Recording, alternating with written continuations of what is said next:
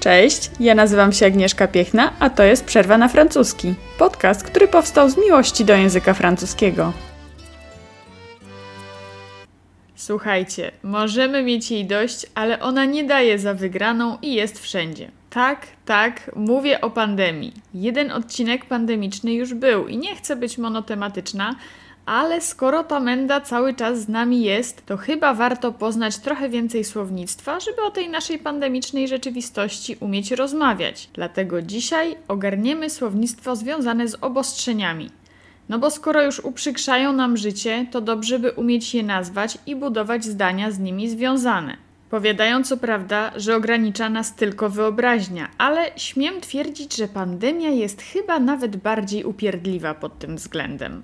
Zacznijmy od samych obostrzeń. W sensie od słowa obostrzenia, bo język francuski daje nam kilka opcji do wyboru. Mamy oczywiście francuskie słowo restriction, une restriction, rzeczownik rodzaju żeńskiego oznaczający obostrzenia właśnie. Oczywiście w kontekście pandemii raczej będziemy go używać w liczbie mnogiej, więc des. W prasie możemy przeczytać na przykład takie zdanie. Trochę obcięłam oryginał, ale nie ma to tutaj większego znaczenia. Le gouvernement n'envisage ni de nouvelles restrictions, ni un allègement du confinement le week-end dans des villes comme Nice. Czyli rząd nie przewiduje ani nowych obostrzeń, ani złagodzenia kwarantanny w weekendy w takich miastach jak Nicea. Słowo le confinement pojawiło się już w trzecim odcinku podcastu. Oznacza ono kwarantannę, ale tak naprawdę w tym zdaniu jest ono użyte jako synonim obostrzeń. W bardziej oficjalnym dyskursie, przykład w mediach czy na stronach rządowych, możemy się spotkać z pojęciem mesure restrictive albo mesure de restriction, czyli dosłownie środki ograniczające, ale po polsku zdecydowanie lepiej brzmi po prostu ograniczenia.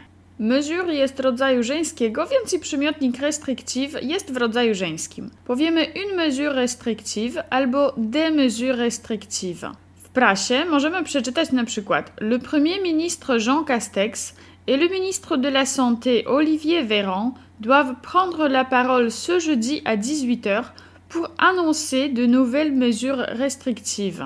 Premier Jean Castex i minister zdrowia Olivier Véran mają zabrać głos w ten czwartek o 18, żeby zapowiedzieć nowe środki ograniczające, no czyli po naszemu nowe restrykcje, nowe ograniczenia.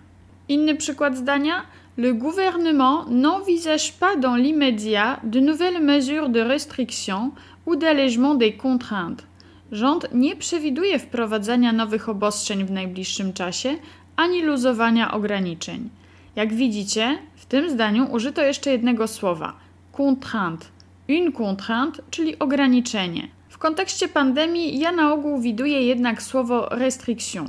No dobra, ale to l'allègement des contraintes to było tylko tak na marginesie, bo ostatnio, przynajmniej w Polsce, wszystko zmierza w stronę przeciwną, czyli zaostrzenia. Jedziemy zatem ze słownictwem związanym z konkretnymi formami obostrzeń. Tak w ogóle, to aktualnie obowiązujące obostrzenia to po francusku les mesures en vigueur – Oczywiście można to nazwać również inaczej, ale przedstawienie wyczerpującej listy synonimów nie jest moim celem i myślę, że Wy też tego nie oczekujecie. Jeśli temat pojawi się w konwersacji z osobą z innego kraju, można zapytać: Quelles sont les mesures en vigueur chez vous? Jakie obostrzenia teraz u Was obowiązują? Można też zadać pytanie inaczej: Quelles sont les modalités du confinement chez vous? Jakie są u Was zasady kwarantanny? Przejdźmy do konkretnych form obostrzeń. Zaczniemy od ograniczenia w przemieszczaniu się. Nas w Polsce, chyba, no przynajmniej u mnie, takie ograniczenia nie dotyczą, ale Francji owszem. La limitation des déplacements to właśnie ograniczenie przemieszczania się. Oczywiście nie jest to całkowity zakaz, więc przy poruszaniu tego tematu przyda się konstrukcja les sorties sont autorisées pour, do której dodamy czasownik w bezokoliczniku – na przykład, les sorties sont autorisées pour aller travailler. Wyjście z domu jest dozwolone, żeby pójść do pracy. Ale możemy też powiedzieć on est autorisé à sortir pour lub jeszcze prościej on peut sortir pour. Przykład zdania. On est autorisé à sortir pour se rendre à un rendez-vous médical. Możemy wychodzić w celu odbycia wizyty lekarskiej. On peut sortir pour faire les courses. Możemy wychodzić, żeby zrobić zakupy. Kolejnym obostrzeniem, tym razem takim, które w jakimś stopniu obowiązuje też w Polsce, jest la fermeture des commerces non essentiels. Zamknięcie, nazwijmy to, mniej istotnych sklepów. Oczywiście możemy to powiedzieć również w inny sposób. Les commerces non essentiels et les établissements recevant du public, comme les bars et les restaurants, sont fermés. Mniej istotne sklepy oraz placówki przyjmujące publiczność klientów, no po prostu ludzi, są zamknięte. Tak w Polsce, jak i we Francji, kościoły pozostają jednak otwarte. Po francusku możemy powiedzieć: Les établissements de culte sont autorisés à rester ouverts, mais les réunions ou les rassemblements y sont interdits. W tłumaczeniu miejsca kultu w domyśle religijnego, czyli po prostu kościoły, świątynie itd., więc te miejsca kultu mogą pozostawać otwarte, ale spotkania i zgromadzenia są w nich zabronione. W codziennej komunikacji bardziej naturalnym wyborem będzie les établissements de culte restent ouverts. Miejsca kultu pozostają otwarte. Oczywiście ogólnikowe les établissements de culte, czyli miejsca kultu, można zastąpić bardziej precyzyjnym słownictwem. Na przykład les églises, kościoły, albo les mosquées, meczety. Ciężko mówić o pandemicznej rzeczywistości, nie wspominając o pracy zdalnej. Po francusku powiemy le télétravail. Jest też czasownik télétravailler, czyli pracować zdalnie. Można je zastąpić odpowiednio słowem le travail à distance albo czasownikiem travailler à distance. Słowo télétravail nie jest w języku francuskim niczym nowym, ale czasownik télétravailler pojawił się w słowniku Le Petit Robert dopiero w wydaniu z 2021 roku. Po prostu wcześniej nie był aż tak powszechnie używany, żeby dodawać go do słownika. Jeśli w obostrzeniach jest mowa o la généralisation du télétravail quand il est possible, czyli o upowszechnieniu pracy zdalnej, kiedy jest to możliwe, to w rozmowie na ten temat możemy powiedzieć le télétravail est recommandé albo nawet fortement recommandé quand il est possible. Czyli praca zdalna jest zalecana albo nawet mocno zalecana, bardzo zalecana, kiedy tylko jest ona możliwa. Jako przeciwieństwo może się przydać wyrażenie travailler en présentiel. Można by to przetłumaczyć jako pracę stacjonarną, czyli po prostu wykonywaną w siedzibie firmy, gdzie pracownik jest obecny w biurze. Skoro już jesteśmy przy pracy zdalnej, należy też wspomnieć o nauczaniu zdalnym, czyli po francusku l'enseignement à distance albo des cours à distance, lekcje, zajęcia zdalne. Mamy też odpowiednie czasowniki enseigner albo faire cours à distance, uczyć lub prowadzić lekcje zdalnie. Osoba ucząca się użyje z kolei wyrażenia avoir cours à distance, mieć lekcje zdalne. Podczas gdy jedne placówki szkolnictwa są zamknięte, inne mogą pozostawać otwarte i pracować w reżimie sanitarnym. Możemy powiedzieć przykładowo les crèches, les écoles, les collèges et les lycées restent ouverts avec des protocoles sanitaires renforcés. Żłobki, les crèches, szkoły, les écoles, gimnazja, les collèges i licea, les lycées pozostają otwarte i obowiązuje w nich zaostrzony reżim sanitarny. W zdaniu francuskim użyto liczby mnogiej des protocoles sanitaires renforcés. Kwarantanna to również ograniczenia kontaktów z innymi osobami. Zakaz zgromadzeń to l'interdiction des rassemblements. Możemy tutaj oczywiście doprecyzować, że zakaz dotyczy zgromadzeń o jakiejś konkretnej liczbie uczestników. Powiemy na przykład l'interdiction des rassemblements de plus de 10 personnes. Zakaz zgromadzeń powyżej 10 osób. Takie rzeczownikowe ujęcie sprawy będzie bardziej typowe dla mediów lub w momencie, kiedy wymieniamy listę różnych ograniczeń.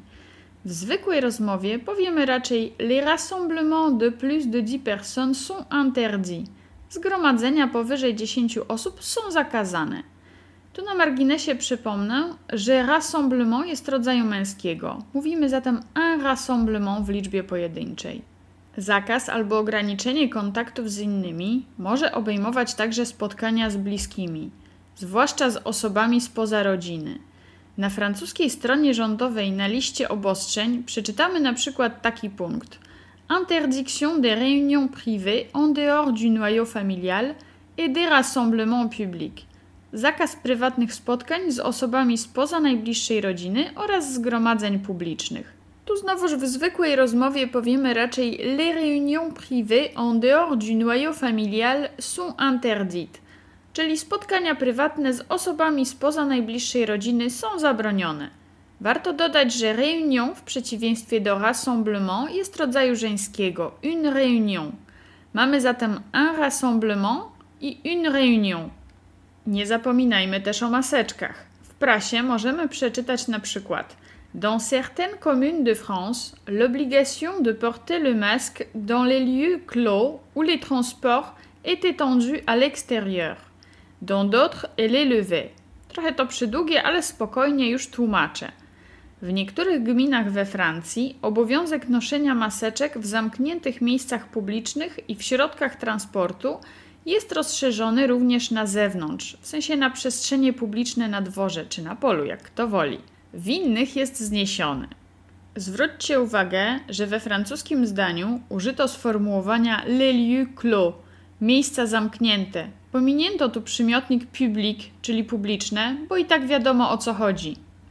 Jeśli chcemy powiedzieć po prostu, że noszenie maseczki jest obowiązkowe, to powiemy le port du masque est obligatoire. We Francji nie ma jednolitych zaleceń dla całego kraju w tym temacie, więc tam, gdzie noszenie maseczki jest nieobowiązkowe, dobrowolne, czy jak tam kto woli fakultatywne, możemy powiedzieć le port du masque est facultatif. Zauważcie, że kiedy mówimy o noszeniu maseczek ochronnych, używamy czasownika porter – czyli zupełnie tak samo jak w przypadku ubrań, oraz rzeczownika le masque z rodzajnikiem określonym porter le masque. Jakby tego wszystkiego było mało, we Francji obowiązuje jeszcze godzina policyjna. U nas na szczęście nie, ale i tak warto znać słownictwo z nią związane. Godzina policyjna to le couvre-feu. Depuis le 16 janvier 2021, L'ensemble du territoire métropolitain est soumis à un couvre-feu à partir de 18 heures. Od 16 stycznia 2021 roku całość terytorium Francji metropolitalnej podlega godzinie policyjnej od godziny 18. Wprowadzić godzinę policyjną to mettre en place un couvre-feu. O godzinie policyjnej i o maseczkach opowiadałam już trochę w trzecim odcinku podcastu – Przypominam też, że wybrane słownictwo z podcastów znajdziecie w postach na moim Instagramie. Konto nazywa się Przerwa na francuski pisane razem. Pst, pst. Mam też TikToka. Serio, zrobiłam to i założyłam TikToka. Nazwa taka sama Przerwa na francuski. Dziękuję Wam, że to ze mną jesteście i do usłyszenia w kolejnym odcinku Przerwy na francuski.